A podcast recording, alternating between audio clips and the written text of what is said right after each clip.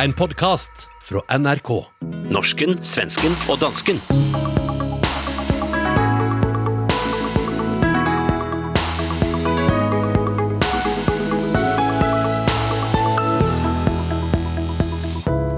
Hvorfor solgte danskene vaksinefabrikk til en arabisk sharia-sjeik? Dræbte den norske milliardæren sin kone og fejket utpressingsbrev? Og hvad sker med seksualiseringen av den svenske statsepidemiologen?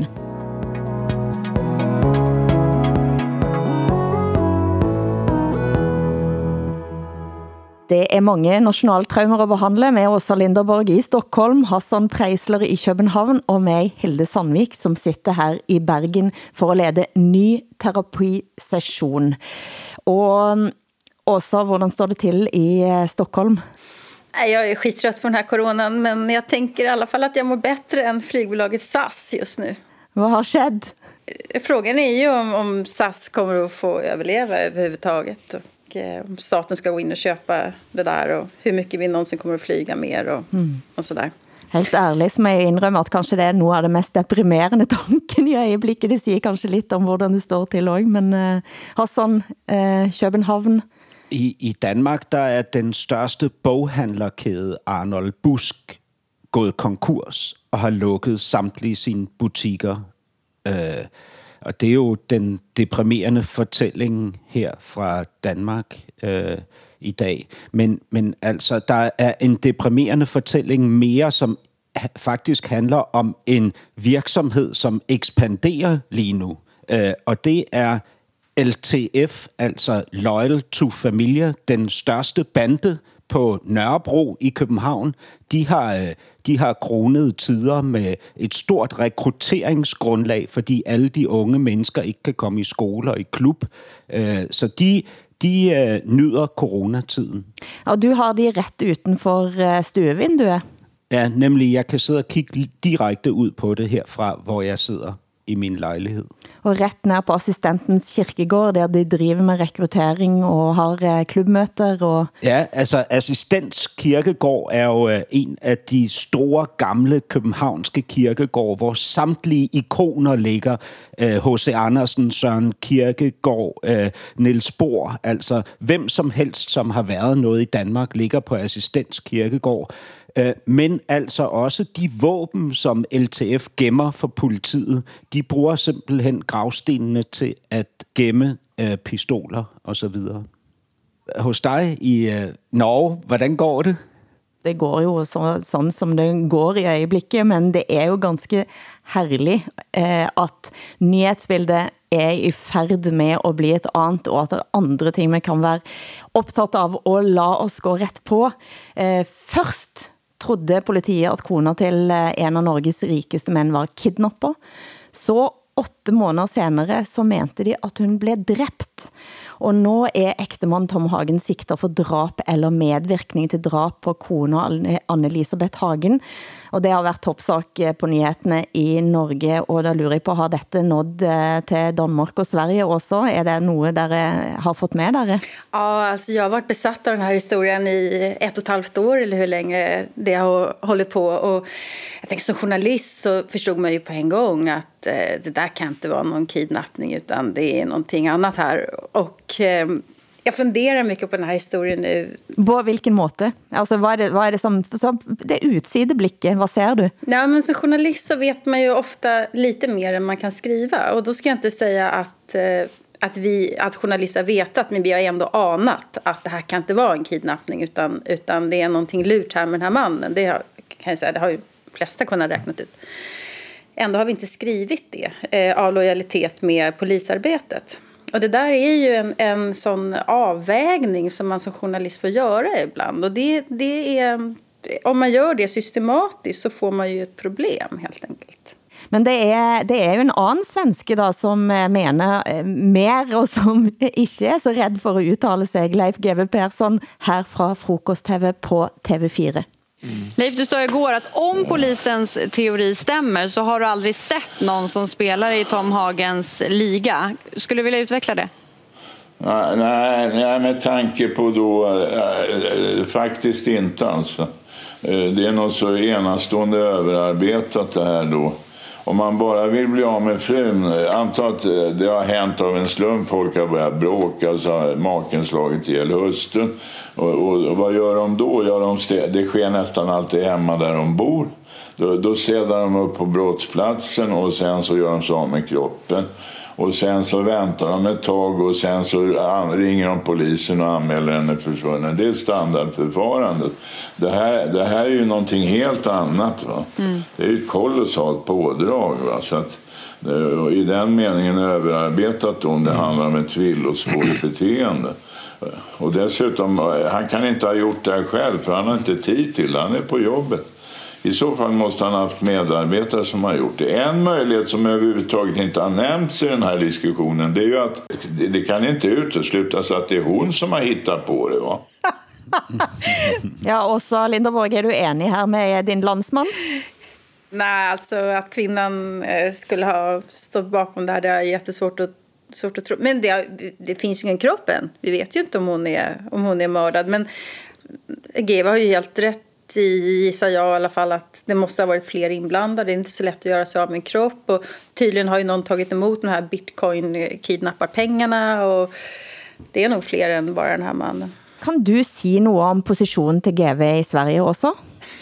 Eh, Leif GW han får uttala sig om allting som har med brott och straff att göra och allting annat också. Eh, han är på löpsedlarna två gånger i veckan. Det finns ingen svensk faktiskt som är så citerad som Leif GW Persson Eh, Eh, han, kan ju, han får ju alltid rätt eftersom han ofta lägger fram tre olika teorier och sen så, och sen så får det, någon av de där stämmer ju alltid till slut. Men, eh, ja. Hassan, eh, är det något som man blivit uppmärksam på i Danmark?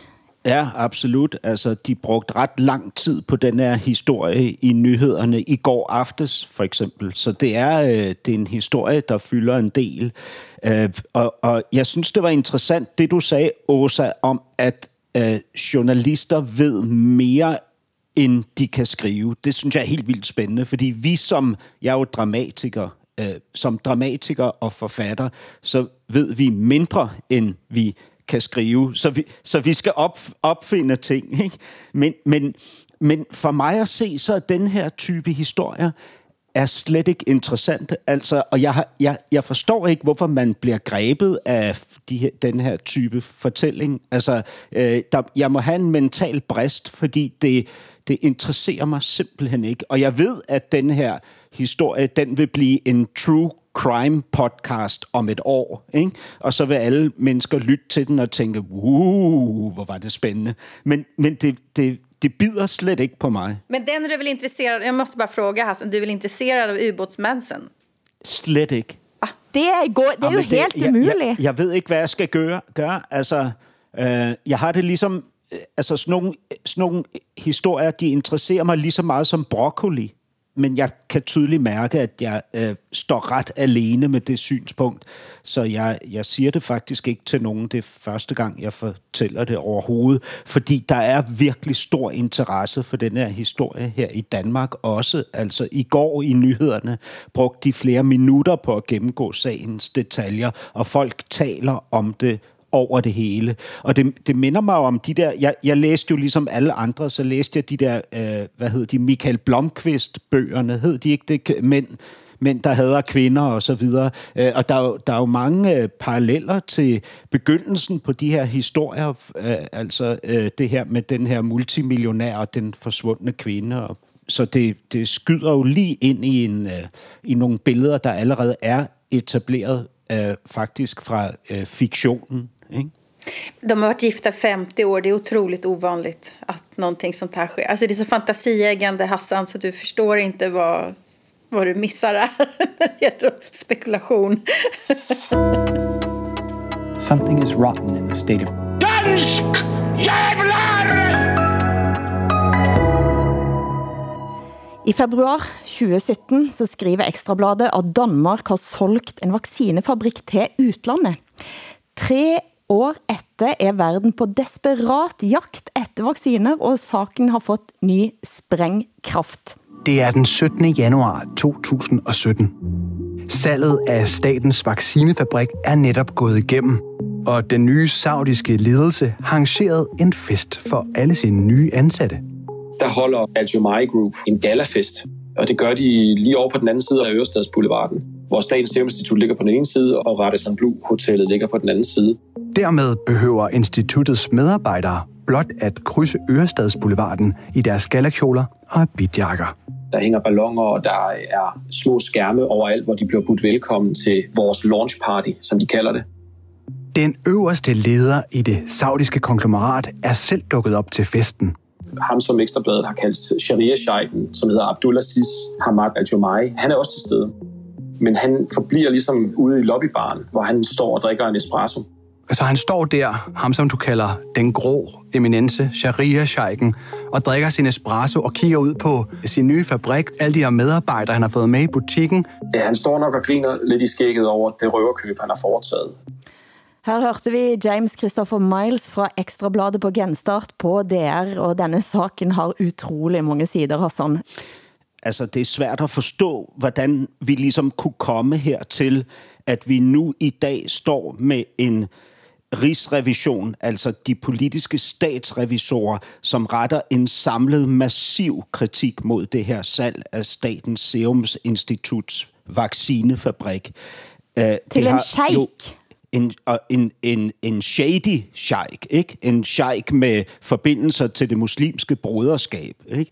Altså, der er jeg ved ikke, hvor jeg skal begynde. Altså, det er jo tre, det er jo hen over tre sundhedsministre fra tre partier, at det her foregår. Ikke? Både SF, Socialdemokratiet og Venstres sundhedsminister har ligesom stået i fronten af det her salg, som jo egentlig startede med, at øh, vaccinefabrikken blev vurderet til godt 300, næsten 300 millioner, og endte med, at den blev solgt for 15 millioner med et tab for den danske stat på mellem 1,3 og 1,8 milliarder kroner. Ifølge Riksrevisionen. Ifølge Rigsrevisionen. Ja, det er ikke nogen tal, jeg har fundet på. Så det, det er, øh, og Rigsrevisionen udtaler, at det her er meget utilfredsstillende. Det er en, det er en ret uh, direkte og hård kritik, der ligesom rammer det her, uh, det her diffuse beslutningsorgan. Det er jo også det, der er problemet, ikke? Det er, når man så spørger, hvem er årsagen? Så går skylden ligesom i ring som en varm kartoffel, ikke? Fra, fra tidligere minister til tidligere minister øh, og så videre. Så bliver sagen jo endnu mere absurd af, at man argumenterer for, at øh, vaccinefabrikken skal sælges ved at sige, at den giver underskud. Men man har faktisk selv skabt det underskud, fordi man mangler nogle penge til at finansiere det kongelige teaters drift. Jeg, havde det på tungen at sige, at her som dramatiker, så burde du kanskje været glad for, at det var en, eh, en minister her, eh, eh, som ønsker at berge Kongelig Dansk Teater. Jamen dermed så siger du jo, Hilde, at dramatikere ikke har nogen moral, og det, så langt vil jeg ikke gå. Jeg vil ikke finansieres af øh, pengene fra en fabrik, der kunne have produceret den vaccine, som ville redde hele verden lige nu. Ikke? Udover det, så lå der jo inde i handlen en gave på næsten en kvart million danske kroner fra Bill Gates. De penge, de fulgte sig med over i Scheikens lomme og de penge var øremærket til, at denne her fabrik kunne udvikle en polio-vaccine, ikke? En eller anden dag ude i fremtiden. Og den fremtid står vi i nu. Så fabrikken, ejet af Scheiken, øh, luret ud af hænderne på den danske stat, er lige nu i gang med at sende en polio vaccine ud i verden, som kan give en milliard omsætning. Ja, Åsa, vad, vad är din reaktion?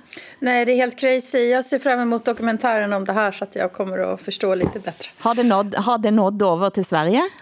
Var det något du var klar över? Nej, inte alls inte alls hört talas om. Jätte, jättekonstigt. Ja, altså no, nogle gange så tænker jeg, vi leder jo alle sammen efter den her store, dominerende skurk, som står bag det her. Altså en eller anden dominerende politiker, som har gennemført det her salg og stukket en hel masse penge i sin egen lomme. Ikke?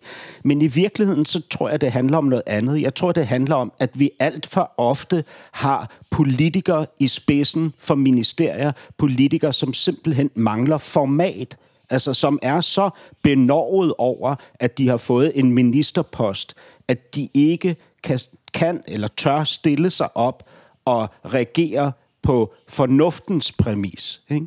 Altså det er, øh, det er jo fortvivlende det her, at, at tre sundhedsministre har ignoreret det her fuldstændigt. Ikke? Det at en eh, sælger under av statlig infrastruktur eh, er jo også noget, som har eh, skett i Sverige. Absolut. Sverige är väl det land i världen, säger man, som eh, har privatiserat mest med Chile. Man jämför Sverige med Chile och det är helt ofattbara jämförelse kan man tycka. Men här har vi privatiserat, privatiserat väldigt, väldigt mycket och det har ju, har ju märks nu under coronaepidemin här hur mycket som är privatiserat och eh, vilka problem det får för eh, infrastrukturen i vården bland annat. Men samtidigt så är det ju ett spørgsmål om eh, hvor, altså, hvor mye skal egentlig staten ha et forhold til og, at styre over? Ja, altså vi taler jo om den kritiske infrastruktur her, ikke? Og, og det er jo den, man taler om nu, at man skal bevare på staternes hænder. Men det, der er kritisk infrastruktur i dag, er måske ukritisk infrastruktur om 10 år og omvendt. Ikke? Det er nogle gange lidt svært at regne ud, hvad der bliver fuldstændig afgørende for vores overlevelse om et år 10. Men samtidig så siger man, ja, man visste ingenting den gangen i 2013, vel cirka, når han begyndte at snakke om at sælge denne vaccinefabrikken. Samtidig så har han jo haft advarsler gjentatte ganger fra WHO om at verden kommer til at opleve en pandemi.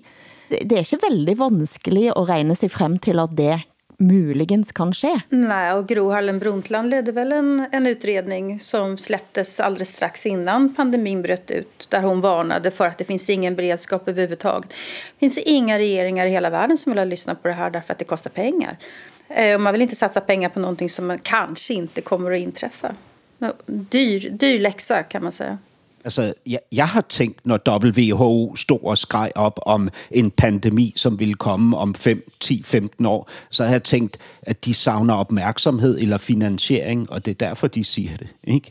Jeg har aldrig trott på någonting sånt här. Jag har aldrig tänkt tanken att det här skulle kunna hända överhuvudtaget.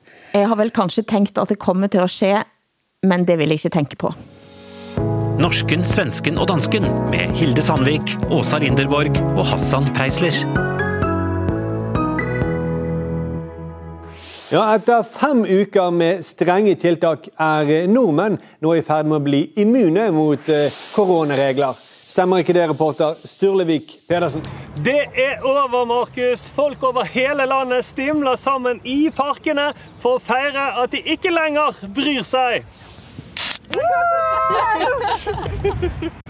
altså, jeg har nettopp sett ferdig Tiger King, da, så for min del så er korona helt over. Folkehelseinstituttet melder i dag at nordmenn har oppnådd flokkimmunitet mot koronareglene. Torsdag klokken 18 klappet tusenvis av nordmenn for hvor flinke de selv har vært de siste ukene. Og for at de nå skal gjøre akkurat som det passer dem. Og Ruter i Oslo melder igjen om overfylte busser. Og Dagbladet melder om over én million mennesker i gatene på Grünerløkka. Og vi hørte et eh, klipp fra eh, satirekanalen 5080, nyhetskanalen på NRK, om nordmenn som nå altså har opnået flokkimmunitet mot coronaregler. Men for vel en uke siden så presenterte Politikken, avisen eh, Politikken, grundig sammenligning av coronastrategien mellem de tre skandinaviske land. Og vi skal her nu gå igennem hovedfundene. Og hvad var mest interessant for dig, Hassan? Jamen, det må jeg nok sige er øh, konklusionen, og jeg, jeg ved ikke om, Hilde, om du vil igennem øh, nogle af delelementerne først, øh, men jeg synes jo, det er helt vildt spændende, at forskeren ligesom ender med at sige, vi kender ikke denne her virus præcise dødelighed. Vi ved ikke, hvor mange men den efterlader, og hvor immun man bliver af at have haft den. Der er ingen behandling med dokumenteret effekt og ingen vaccine. Hvis et land udrydder virusen, er det tvivlsomt, om det kan forhindre den i at komme tilbage. Vi ved heller ikke, hvordan den økonomiske krise sætter sig i de forskellige lande. Altså, det bekræfter jo egentlig den fornemmelse, jeg har af, at vi virkelig ikke ved noget som helst. Mm. Åsa, du har også læst øh, artiklen i Politikken, og hvad bet du dig mærke i? Nej, jag säger som Hassan att jag blev väldigt nedslagen när jag läste den här artikeln därför att vi verkligen vet ingenting øh, eh, vad det här är för ett sorts virus vilka konsekvenser, hur man ska bemöta det och vilka ekonomiska följder som det kommer att få. Jag blev eh, otroligt ledsen av att läsa alltihopa. Sen häromdagen så var Anders Tegnell på, på SVT, världens just nu mest kända svensk. Och eh, han öppnade för att Sverige har gjort helt fel. Eh, han sa det här är en lärprocess. Det här är, man lär sig under tiden. Vi vet ingenting om det här viruset. Säger han det? Ja, han var ganska pressad för första gången. Är det något av det här som du ångrar, som du sa? Ja, nej, men det som jag nu kan tänka tillbaks på där vi borde ha blivit bättre redan från början det är ju äldrevården. Och med vi menar jag då massor med olika aktörer som borde ha jobbat mer med att förbättra äldrevården innan vi hamnar i den situationen som vi är idag. Mm. Men i våra grannländer Eh, Finland, Danmark och Norge. Eh, där är dödssiffrorna betydligt lägre. Vi ska se hur de här kurvorna ser ut här. Där ligger ju Sverige verkligen i topp med 223 döda per miljon invånare. De här länderna de har ju infört mycket hårdare restriktioner mm. än vad Sverige mm. har gjort. De har gjort mot många större begränsningar, stängt skolor, stängt ja. av stora områden och sådär. Är det inte det som har lönat sig? Ja, möjligen. Det... Men när du ser det här, blir du bekymrad då över och orolig över om du har valt, eller ni har valt, rätt väg? Ja, det, absolut är bekymrande. Det är fruktansvärt med de här dödstalen. Det är absolut ingenting som någon skulle vilja önska att vi hade hamnat på det här viset. Och vad han säger där då, det är, fast det visste vi ju, att Sverige har gjort fel som inte tog hand om äldreboendena från början. Apropå privatiseringar, där har ju, har ju privatiseringarna slagit hårt eftersom skyddsutrustning kostar pengar. Och det har man inte velat lägga ner på sina anställda. Men sen också att Sverige borde ha testat mycket mer. Och det framgår ju av den här undersökningen som politiken har gjort som är en fantastisk sammanställning. Att Sverige har ju inte testat nästan någonting jämfört med Norge och Danmark. Mm. Eh, vi har ett eh, kort intervju med en av hovedkildene i eh, denne artiklen, som altså heter Danmark og naboerne. Vi har snakket med Asbjørn Gol Andersen, som er forsker ved Frisch Center i, i Oslo, so, socialøkonom den helt store forskel, som, øh, som man mest har fokuseret på, det er forskellen mellem Norge og Danmark på den ene side, og så Sverige på den anden side. Men der er faktisk også en, øh, en stor forskel mellem Danmark og Norge. I Norge har man mere fuldt øh, WHO's anbefalinger om at øh, teste og opspore øh, kontakter til smittede. Den del droppede man i, i Danmark. I Danmark, der handlede man i lang tid øh, meget bagefter på test, og en af årsagerne kan være, at man simpelthen ikke havde kapaciteten, så man prioriterede kun at teste folk, der var lidt syge. Og i dag ser det faktisk ud til, at Danmark har fået en ny strategi, selvom man officielt ikke har meldt ud af. Officielt taler man om en ny teststrategi, men i virkeligheden så, så er den her teststrategi så markant anderledes, at der er tale om en helt, øh, helt ny strategi. Man er nu begyndt at teste i et, et omfang, som, som stort set ikke har været set andre steder i, i verden. Du, nu er jo du danske og bor i Norge, øh, men øh, sett fra dit ståsted, hvem lykkes bedst? Det er jo svært at sige. Sverige har på den ene side været det eneste land, der har forsøgt at holde åben som ikke er blevet helt overvældet af i sygehusvæsenet. Og det kan dels skyldes, at svenskerne faktisk har været gode til at øh, lytte til anbefalingerne om at holde afstand, og i, i en vis grad også holder sig hjemme. Man ser blandt andet, at restauranter i Sverige også lider økonomisk. Så, så, så det kan være en forklaring. Øh, I Norge har man haft en rimelig veldefineret strategi, men man er faktisk på det seneste faldet lidt af kursen med hensyn til at teste. Man tester så omkring en fjerdedel af, hvad man gør i Danmark lige for øjeblikket. Jeg tror egentlig, at den her nye danske strategi med at se meget massivt og opstore kontakter kan være meget effektiv. Det har man blandt andet set udført på, øh, i Island, som, som egentlig aldrig lukkede samfundet ned, men bare så at sige, testet sig øh, ud af problemerne.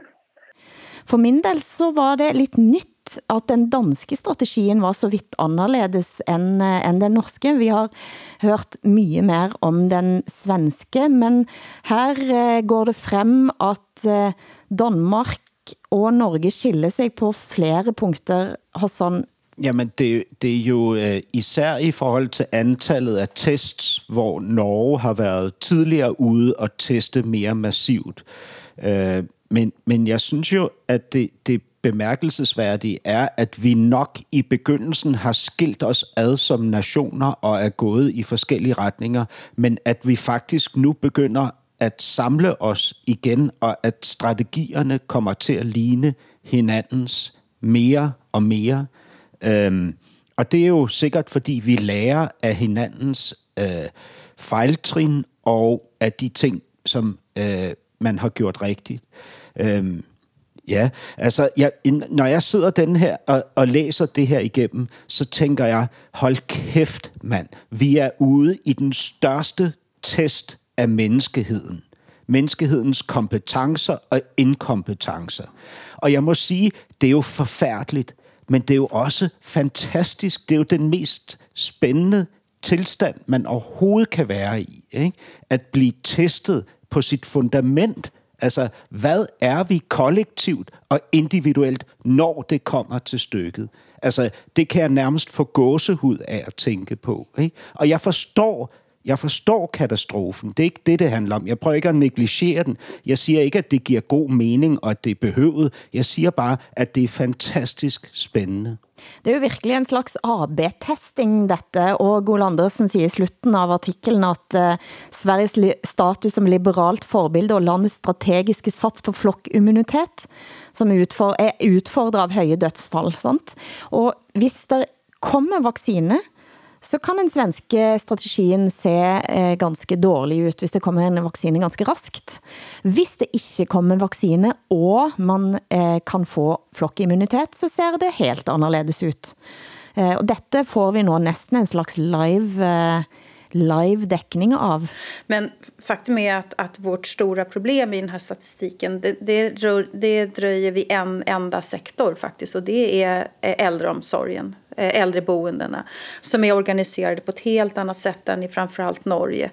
Eh, och här, här har corona bidragit på någonting gott i den meningen att vi äntligen förstår hur den stora sektorn är organiserad, att vi måste göra någonting åt det.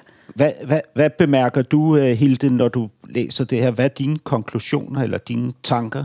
Ja, altså jeg var, jeg var interessert i den forskellen mellem Danmark og Norge, eh, fordi at i Danmark havde den en rask nedlukking og veldig stram, stramme regler, eh, og samtidig så testen mindre.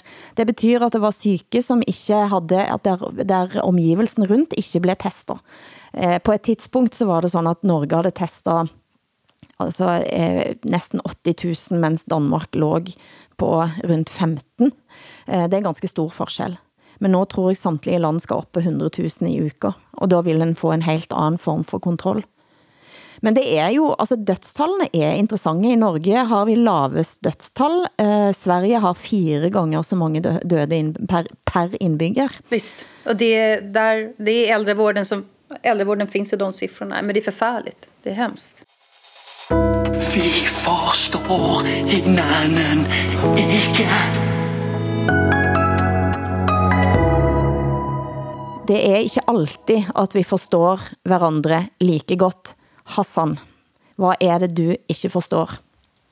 Jamen altså, jeg, jeg, jeg synes jo, at det er jo interessant i sig selv, at den svenske statsepidemiolog Anders Tegnell er blevet uh, feti, fetificeret, som han er.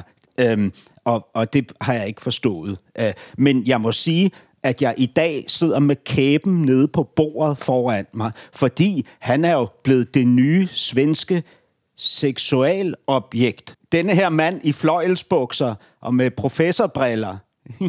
hvad, hvad sker der? Vi kan høre dette, for det er jo næsten ikke til at tro. Et klip fra SVT. Jeg tycker att han är väldigt mysig.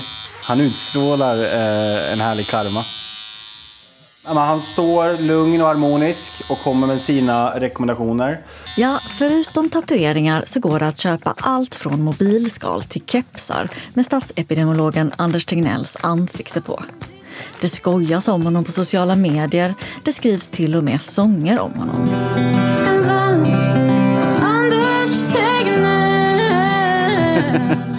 Enligt många är hypen ett tecken på svenskarnas höga tillit till makten. Men finns det en risk att tilliten blir blind?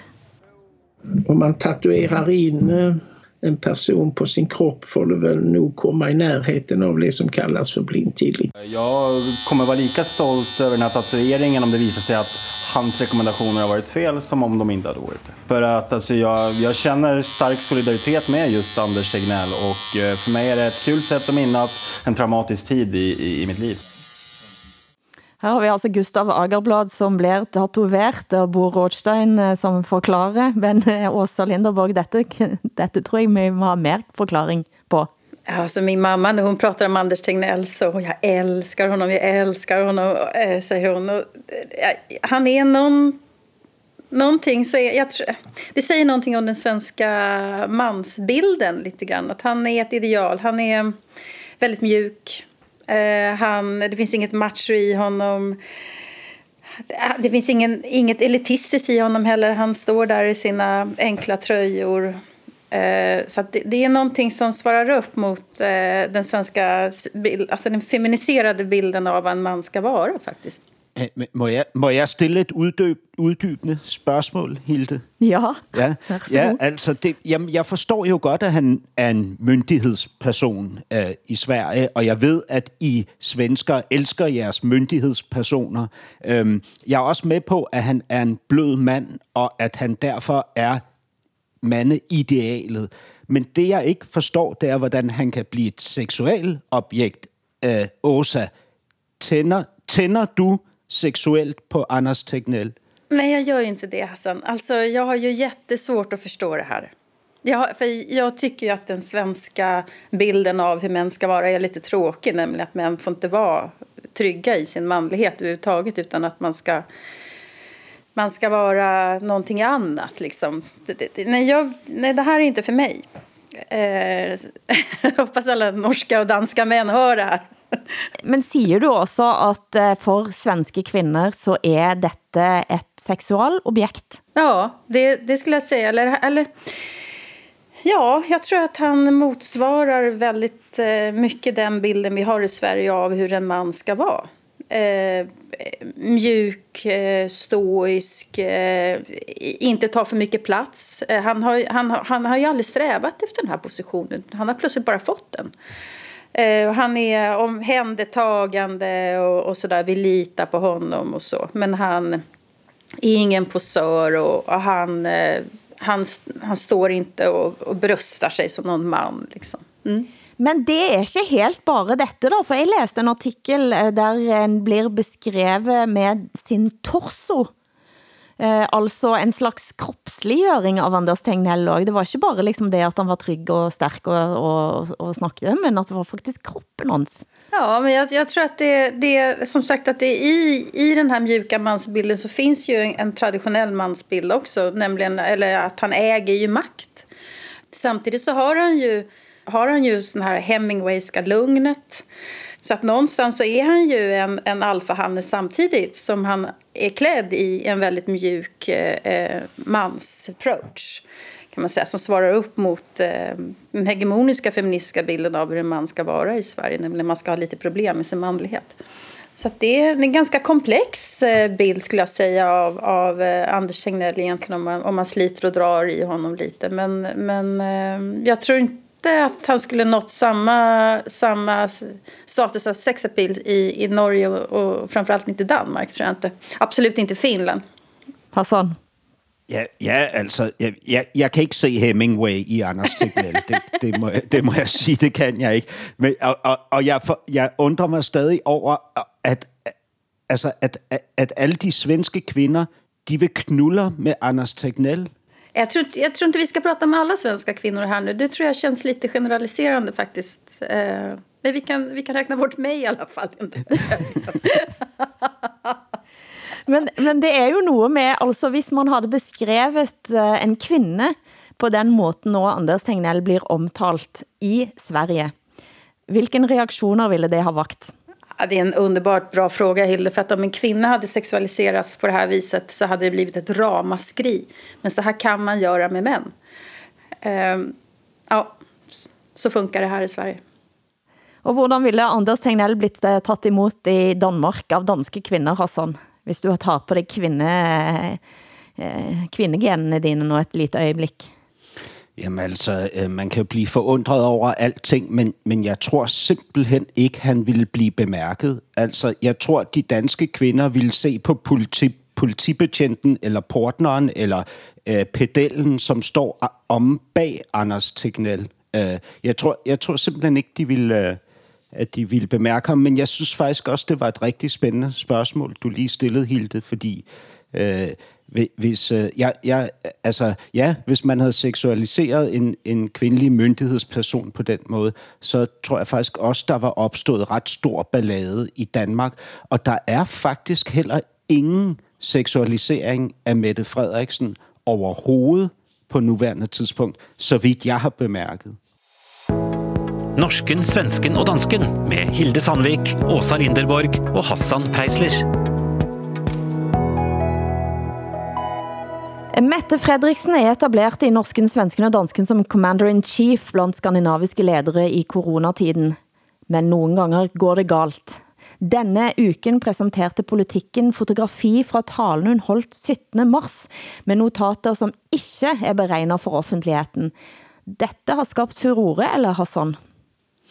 Jamen altså, øh, Mette Frederiksen eller en anden person har med rød pind i hendes talepapir skrevet udskam de, der ikke har været fornuftige. Øhm, og, øh, og det er jo, øh, det var, det var, jeg tror ikke, det var politikens øh, intention at lave afslørende billedjournalistik på det her tidspunkt. Jeg tror simpelthen, det er en tilfældighed, at det her talepapir er kommet frem, og at nogen har samlet den sætning op. Og den siger jo noget om ja, altså om strategien, om motivationen og hele det der følelsesmæssige game, som vi hele tiden har fornemmet, der er i det her uh, taleapparat i Danmark. Ikke? Vi kan høre et uddrag fra, hvordan talen holdt 17. mars hørtes ut. Så bliver jeg også nødt til at sige noget, især til de unge.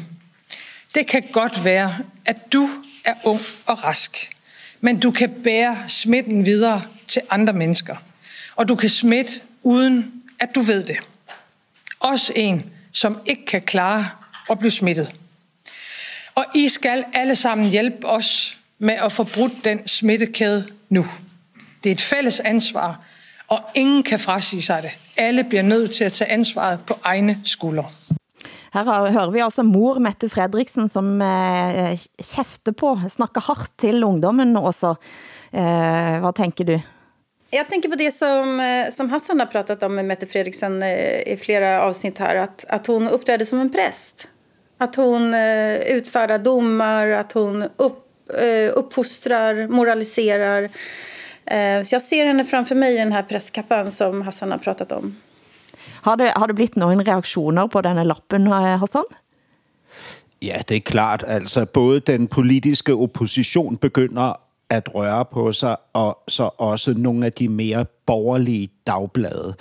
Altså, det, det ja, jeg, jeg bliver nødt til at sige, jeg har jo deltaget i shaming. Altså ikke kun på sociale medier, og ikke kun ud gennem mit vindue i forhold til de naboer, der festede sammen rigtig mange mennesker efter nedlukningen.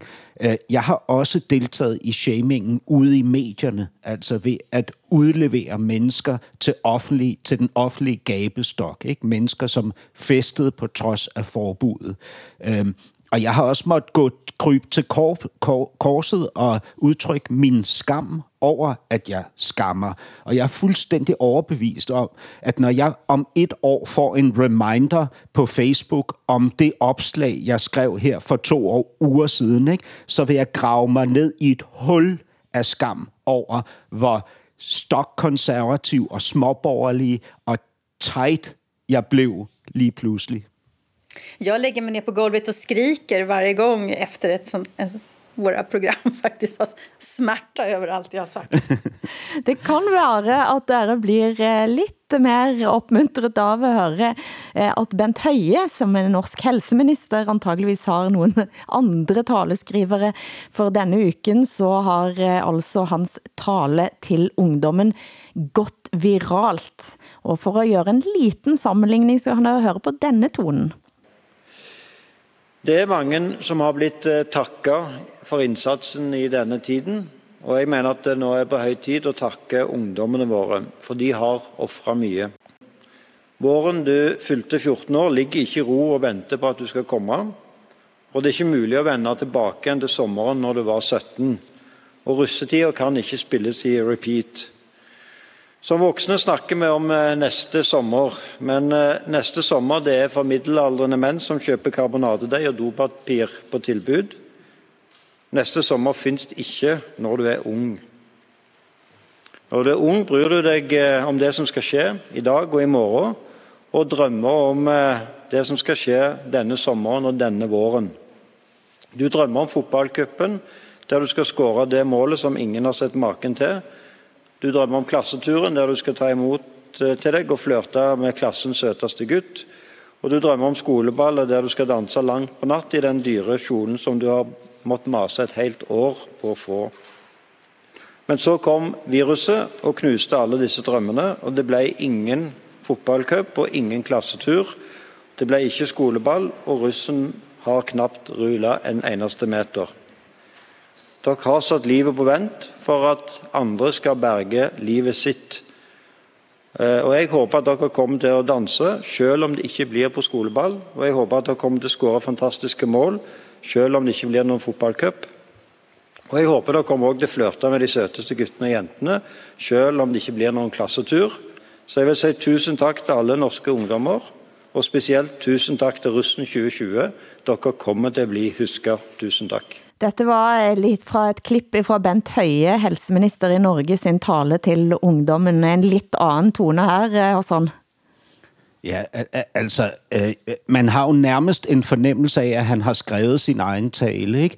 Altså, jeg, jeg sidder og tænker lige nu, at denne her øh, regering har begået en kæmpe fejl ved at hyre skønlitterære forfattere som taleskriver. Ikke? Altså skønlitterære forfattere, som også arbejder som dramatikere. Altså vi er jo vant til at vride hver eneste følelse ud af de ord, som vi øh, præsenterer vores publikum for, og de skal nå helt ned til bagerste række. Ikke? Øh, jeg, jeg tror simpelthen, det er blevet for meget det gode. Altså, taleskriverne i Danmark er for emotionelle. De er for skønlitterære, er min opfattelse. Vi skal, vi skal tilbage til en form for norsk kølighed. Men altså, Hilde, du ved jo, jeg er kæmpe fan af Norge, så jeg bliver jo også lidt aspektblind lige så snart det kommer op fra dit vidunderlige land. Men altså, min, min søn begyndte, fik tårer i øjnene, har han sagt, når han hørte denne talen. Og han er russ i år, og han oplevede, tror jeg, at dette var en tale. Eh, fordi det Bent Høie afslutter denne talen med, er at takke ungdommen. Han siger, tusen tak. Tak for at dere er så tålmodige. Men jag börjar nästan gråta, så det är ett retoriskt mästerstycke och eh, det är så vackert och det är så sant också. Ja, og den, og det er jo også den bedste performance, det er, når skuespilleren på scenen ikke græder, men publikum græder, ikke? I Danmark er det måske den anden vej rundt. Altså, der er det skuespillerne på scenen, der står og græder, mens at vi som tilhører bliver efterladt fuldstændig knastørre. Du hører norsken, svensken og dansken. Programmet blir sendt i Danmarks Radio, Sveriges Radio og Norsk Rikskringkasting.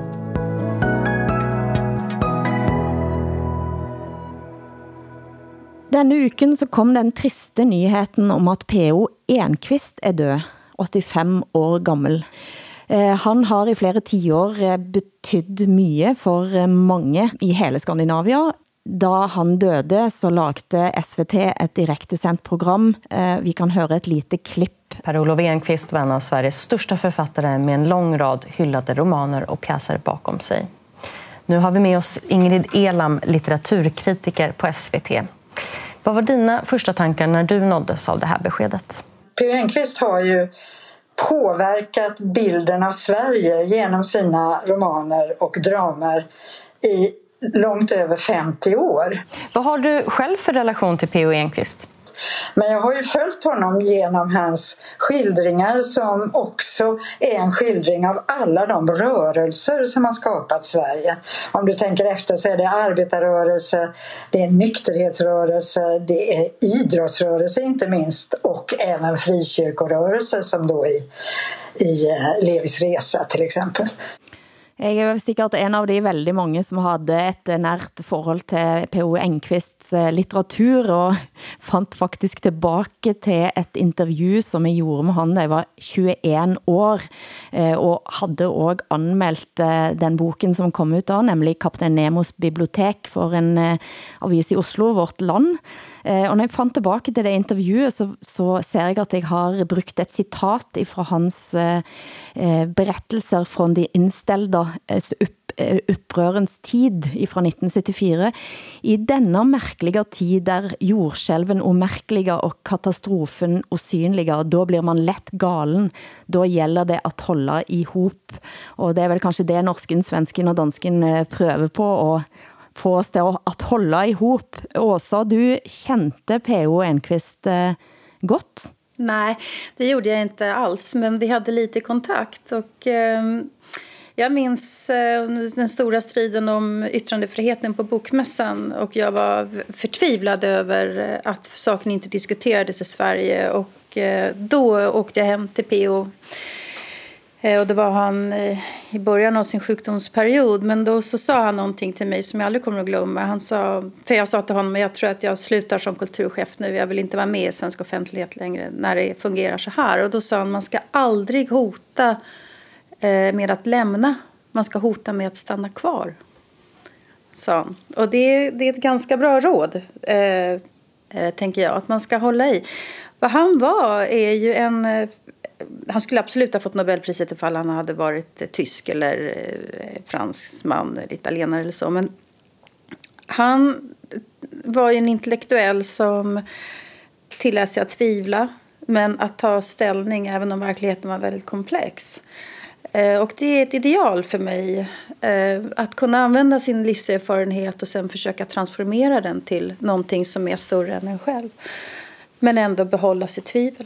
Og han har jo været den som eh, i svensk litteratur, så langt jeg kender til, eller, som, eller så i moderne tid, klart at sætte ord også på åndelighed, og han var veldig åben rundt sin alkoholisme. Eh, han var på mange klinikker før han da, så jeg tror det var, da jeg mødte han i Göteborg i 91, så tror jeg han var akkurat kommet ut efter mange tiårs eh, alkoholisert tilværelse, og det har han også skrevet ganske godt om. Hvilken position havde han i Danmark, Hassan? Jamen altså, øh, det er, jo, det er lidt pinligt for mig at, at, at, at sige det her. Jeg, jeg kendte ikke så meget til ham, som jeg burde, øh, fordi blandt andet fordi jeg er forfatter selv og teatermenneske, så øh, jeg burde have studeret ham bedre, end jeg gjorde. Han har bo- også boet i Danmark i 15 år og var dansk gift med Lone Bastholm, som var øh, skuespilchef på det Kongelige Teater. Øh, og, og så har jeg sådan tænkt over, hvad, hvad det var, der gjorde, at jeg ikke ligesom opsøgte ham på noget tidspunkt. Og jeg, jeg må nok sige, at det, jeg, jeg tror, det forbinder sig til, at jeg har fået ham beskrevet som en socialdemokratisk forfatter. Og i Danmark, der betyder det altså noget andet, end det gør i Sverige. Der betyder det, at man er partirepræsentant ikke her i Danmark. Øh, og det, det har altså gjort, at jeg, at jeg nok har, har undgået ham, øh, og det fortryder jeg nu, så det er helt klart noget, jeg kommer til at samle op på. Altså, fordi når I beskriver skriver ham, som I gør nu, og når jeg hører ham øh, øh, beskrevet øh, rundt omkring, så tænker jeg, at det her, hvis jeg bare lige må, må, må, må læse et citat op, jeg fandt frem, Øhm, at, at altså Per Olof Enqvist siger, det sværeste ved politisk stillingtagen er ikke at indtage de rigtige, respektable standpunkter. Det kan hvilken som helst idiot gøre, men i tide at indtage de modbydelige, men nødvendige. Og det synes jeg bare, altså, det, det er jo som skrevet til det mod, som jeg personligt mangler i min hverdag. Det kunne kanskje været interessant at læse han op mod en, som jeg vet du har været optaget av, nemlig Kai Munk. Hvilken rolle spilte og har eh, Kai Munk spilt i dansk offentlighed? Kai Munk blev slået ihjel af nazisterne i 1944, januar 44, øhm, af Gestapo. Øh, han var øh, ekstremt kritisk over for øh, besættelsesmagten. Øh, han har gennemgået utrolig mange forskellige faser med mange forskellige øh, standpunkter, også i forhold til nazismen. Øh, og det har blandt andet gjort, at eftertiden har dømt ham meget hårdt, selvom han faktisk var den eneste kunstner, som gik i døden i opposition til nazismen og jødeforfølgelsen og udryddelsen. Samtidig så var han også en åndelig, altså han var åndelig mand og, og øh, skrev ganske tæt eh, om åndelighed, eh, som også Per Olof Enqvist har gjort.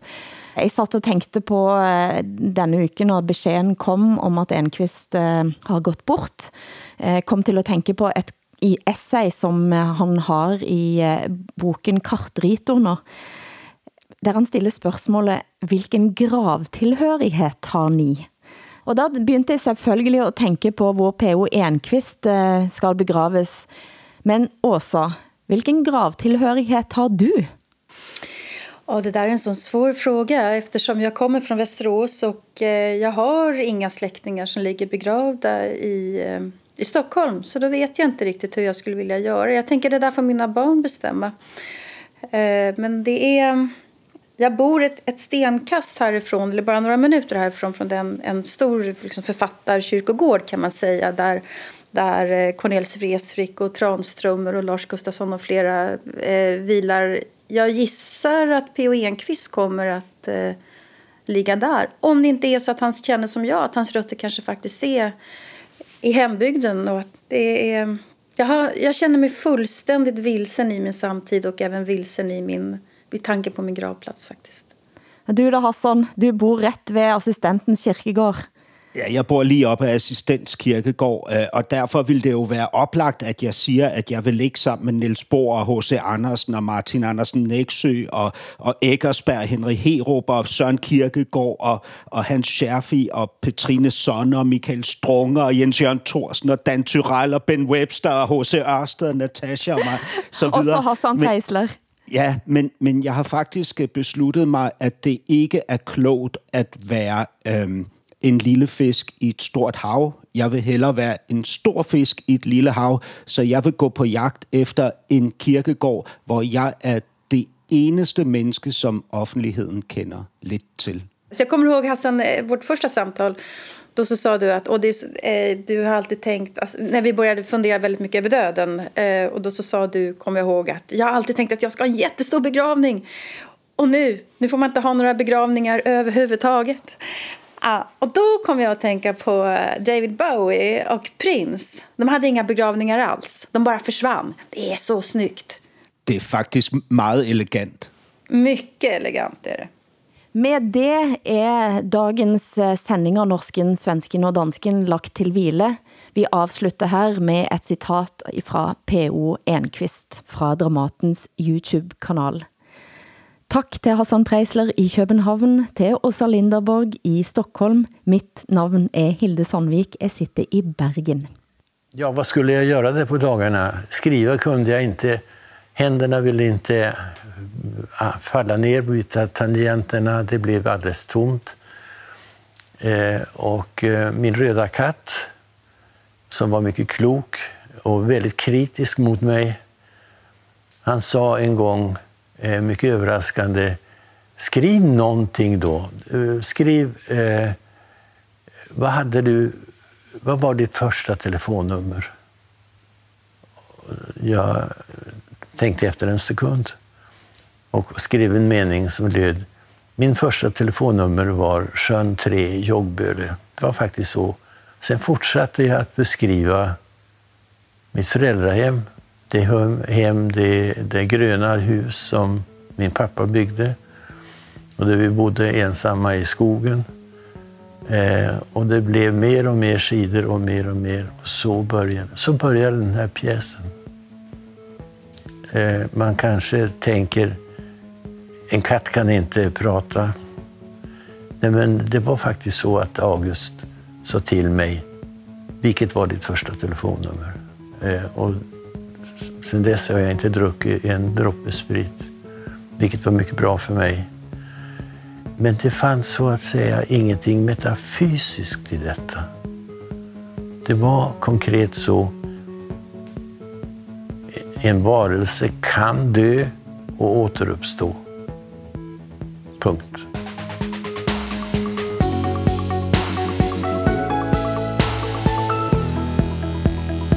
Du har hørt en podcast fra NRK. Hør flere podcaster og din favorittkanal i appen NRK Radio.